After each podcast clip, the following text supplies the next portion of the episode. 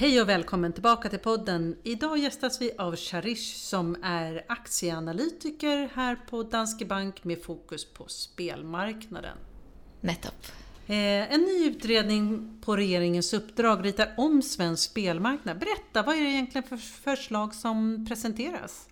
Eh, det har kommet et nytt forslag eh, som markedet har ventet veldig lenge på. Eh, den svenske regjeringen har funnet ut at man måste, man måste komme med ny regulering for spillmarkedet. For svenske spill har i dag monopol, men det monopolet fungerer jo ikke. Vi har jo utenlandske operatører, private operatører som vi velger å kalle de, som driver med ekstremt mye markedsføring og tar, har veldig mye svenske spillere. Så det fins jo en ganske god bit av inntekter som går ut fra den svenske markedet. Så man har foreslått at man skal få alle utenlandske operatører fra og med nå til å kjøpe lisenser, eh, slik at man kan tilby online kasino, online sportsbetting, poker, bingo. Eh, og eh, man skal sette en 18% skatt. Det har vært den viktigste frågan, eller det spørsmålet som alle fokuserer mest på. Så det er ikke bare et lisenssystem man vil ha, utan man vil også øke beskatningen? Exakt, for til nå så har man jo ikke beskattet inntekter som kommer fra svenske spillere. Om Kindred har tatt imot bets fra en svensk spiller, så har de ikke betalt, eller de har ikke skattet på den. Eh, F.eks. mot hva man gjør i UK, hvor det finnes en 15% skatt. Men hvordan skal man håndtere det? For de fleste spill- og kasinobolag har jo sin bas på Malta eller Gibraltar. Hvordan skal man få mennesker, eller disse bolag å betale skatt? Det man kommer til å gjøre nå fremover, er at det er klart Du har helt rett, alle bolagene jo, har jo juridisk sete enten på Malta eller på Gibraltar, og det er fordi skattelovgivningen per det, det er veldig gunstig for spillbolagene der.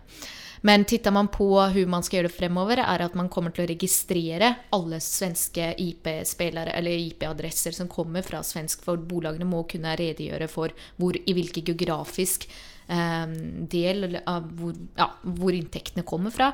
Og sen så betaler man skatt på hvor mye som har kommet fra Sverige. Så det kommer til å bli, regjeringen kommer nå til å Alle spillebolagene som vil kunne markedsføre seg i Sverige, eller alle alle som vil ta imot uh, penger fra svenske spillere, svenske bosatte spillere, må betale, beskatte det 18% Og man kommer til å sette opp en varningstrekant, varnings, uh, eller varseltrekant, si at dette er en site som ikke har lisens, og er dermed ulovlig i Sverige.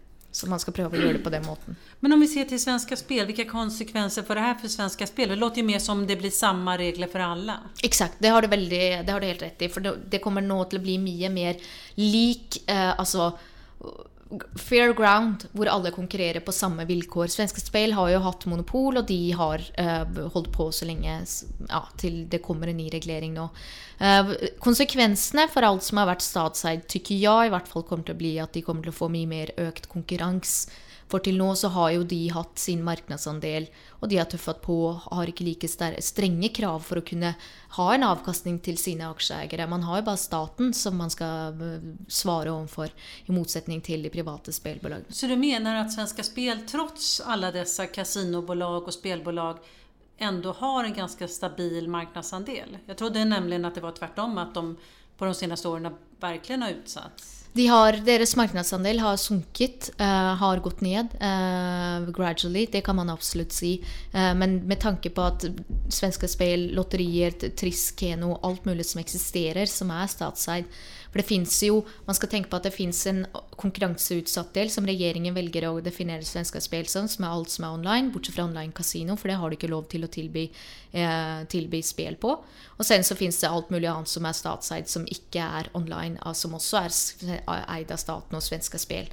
Uh, kommer, de har, deres andel har jo som sagt gått ned uh, sakte, men sikkert, men de har vel enda en, liksom, Man har en ok markedsandel til tross for det. Men nå kommer det konkurransen for de til å bli Den kommer til å øke, i hvert fall. For om du får sia litt om utviklingen av spelmarknaden, de her spelbolagen i Sverige, hvordan tror du at det kommer å se ut på sikt? Uh, hva jeg tror, er at vi først og fremst kommer til å se, med tanke på at det nå kommer en skatt, og alle spillbolagene opererer jo eller tar imot bets fra ulike jurisdiksjoner, det kommer til å gjøre at, de, uh, at skatten øker cost of sales i, på earnings. Der kommer jo marginalpresset. I tillegg til at man betaler en uh, bolags- eller corporate tax rate, men den kommer jo også til å øke lite. Og det man kommer til å se uh, som en uh, konsekvens av denne, denne, denne, nye reguleringen som har blitt foreslått, den har ikke blitt klubbet igjennom ennå, det skal man jo komme ihåg, kommer vi til å se en mye større, en økt konsolidering i, i, blant alle operatørene. For det kommer til å være mye vanskeligere, mye mer svårt, eller svårere for små bolag å kunne overleve, være, være profit generating i tillegg til å kunne betale skatt og være lovlydige.